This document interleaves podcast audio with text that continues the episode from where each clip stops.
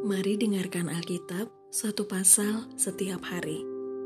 1 Korintus 14 Sekali lagi tentang karunia roh. Kejarlah kasih itu dan usahakanlah dirimu memperoleh karunia-karunia roh, terutama karunia untuk bernubuat. Siapa yang berkata-kata dengan bahasa roh tidak berkata-kata kepada manusia tetapi kepada Allah sebab tidak ada seorang pun yang mengerti bahasanya. Oleh roh, ia mengucapkan hal-hal yang rahasia. Tetapi siapa yang bernubuat, ia berkata-kata kepada manusia. Ia membangun, menasihati, dan menghibur. Siapa yang berkata-kata dengan bahasa roh, ia membangun dirinya sendiri, tetapi siapa yang bernubuat, ia membangun jemaat. Aku suka supaya kamu semua berkata-kata dengan bahasa roh. Tetapi lebih daripada itu, supaya kamu bernubuat. Sebab orang yang bernubuat lebih berharga daripada orang yang berkata-kata dengan bahasa roh. Kecuali kalau orang itu juga menafsirkannya sehingga jemaat dapat dibangun. Jadi saudara-saudara, jika aku datang kepadamu dan berkata-kata dengan bahasa roh, apakah gunanya itu bagimu? Jika aku tidak menyampaikan kepadamu penyataan Allah atau pengetahuan atau nubuat atau pengajaran, sama halnya dengan alat-alat yang tidak berjiwa, tetapi yang berbunyi seperti seruling dan kecapi. Bagaimanakah orang dapat mengetahui lagu apakah yang dimainkan seruling atau kecapi kalau keduanya tidak mengeluarkan bunyi yang berbeda? Atau jika nafiri tidak mengeluarkan bunyi yang terang, siapakah yang menyiapkan diri untuk berperang? Demikianlah juga kamu yang berkata-kata dalam bahasa roh. Jika kamu tidak mempergunakan kata-kata yang jelas, bagaimanakah orang dapat mengerti apa yang kamu katakan? Kata-katamu sia-sia saja, kamu ucapkan di udara. Ada banyak, entah berapa banyak, macam bahasa di dunia. Sekalipun demikian tidak ada satu pun di antaranya yang mempunyai bunyi yang tidak berarti. Tetapi jika aku tidak mengetahui arti bahasa itu, aku menjadi orang asing bagi dia yang mempergunakannya dan dia orang asing bagiku. Demikian pula dengan kamu. Kamu memang berusaha untuk memperoleh karunia-karunia roh, tetapi lebih daripada itu hendaklah kamu berusaha mempergunakannya untuk membangun jemaat. Karena itu, siapa yang berkata-kata dengan bahasa roh, ia harus berdoa supaya kepadanya diberikan juga karunia untuk menafsirkannya. Sebab jika aku berdoa dengan bahasa roh, maka rohkulah yang berdoa tetapi akal budiku tidak turut berdoa. Jadi, apakah yang harus kubuat? Aku akan berdoa dengan rohku, tetapi aku akan berdoa juga dengan akal budiku. Aku akan menyanyi dan memuji dengan rohku, tetapi aku akan menyanyi dan memuji juga dengan akal budiku. Sebab jika engkau mengucap syukur dengan rohmu saja, Bagaimanakah orang biasa yang hadir sebagai pendengar dapat mengatakan amin atas pengucapan syukurmu? Bukankah ia tidak tahu apa yang engkau katakan? Sebab sekalipun pengucapan syukurmu itu sangat baik, tetapi orang lain tidak dibangun olehnya.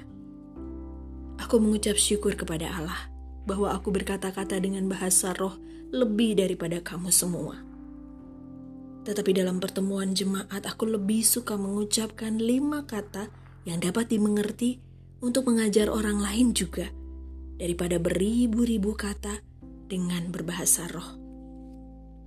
Saudara-saudara, janganlah sama seperti anak-anak dalam pemikiranmu. Jadilah anak-anak dalam kejahatan, tetapi orang dewasa dalam pemikiranmu.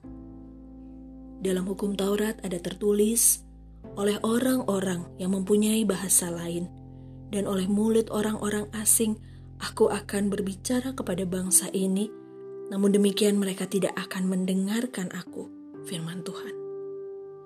Karena itu, karunia bahasa roh adalah tanda, bukan untuk orang yang beriman, tetapi untuk orang yang tidak beriman.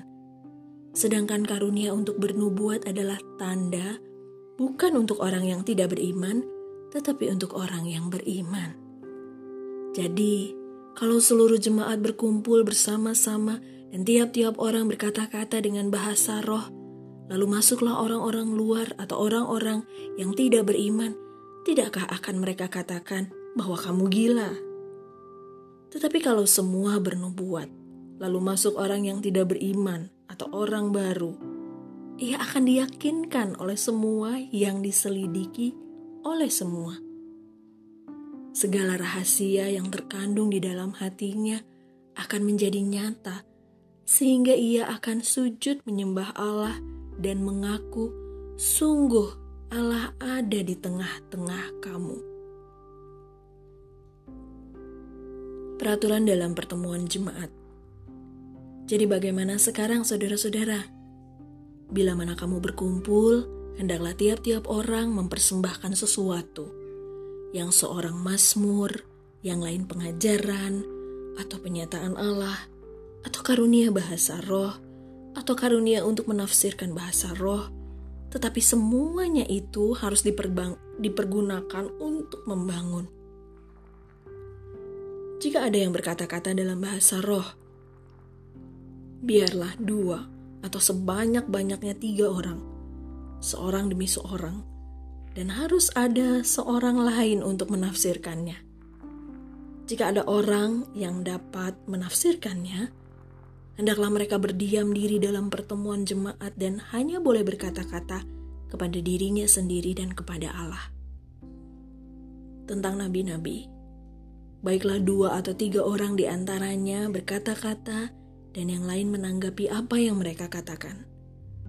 Tetapi jika seorang lain yang duduk di situ mendapat penyataan, maka yang pertama itu harus berdiam diri sebab kamu semua boleh bernubuat seorang demi seorang, sehingga kamu semua dapat belajar dan beroleh kekuatan. Karunia nabi, takluk kepada nabi-nabi, sebab Allah tidak menghendaki kekacauan, tetapi damai sejahtera. Sama seperti dalam semua jemaat orang-orang kudus, perempuan-perempuan harus berdiam diri dalam pertemuan-pertemuan jemaat sebab mereka tidak diperbolehkan untuk berbicara. Mereka harus menundukkan diri seperti yang dikatakan juga oleh hukum Taurat. Jika mereka ingin mengetahui sesuatu, baiklah mereka menanyakannya kepada suaminya di rumah. Sebab tidak sopan bagi perempuan untuk berbicara dalam pertemuan jemaat. Atau adakah firman Allah mulai dari kamu? Atau hanya kepada kamu saja firman itu telah datang? Jika seorang menganggap dirinya nabi atau orang yang mendapat karunia rohani, ia harus sadar bahwa apa yang kukatakan kepadamu adalah perintah Tuhan. Tetapi jika ia tidak mengindahkannya, janganlah kamu mengindahkan dia. Karena itu, saudara-saudaraku, usahakanlah dirimu untuk memperoleh karunia untuk bernubuat dan janganlah melarang orang yang berkata-kata dengan bahasa roh. Tetapi segala sesuatu harus berlangsung dengan sopan dan teratur. Terima kasih sudah mendengarkan. Tuhan Yesus memberkati.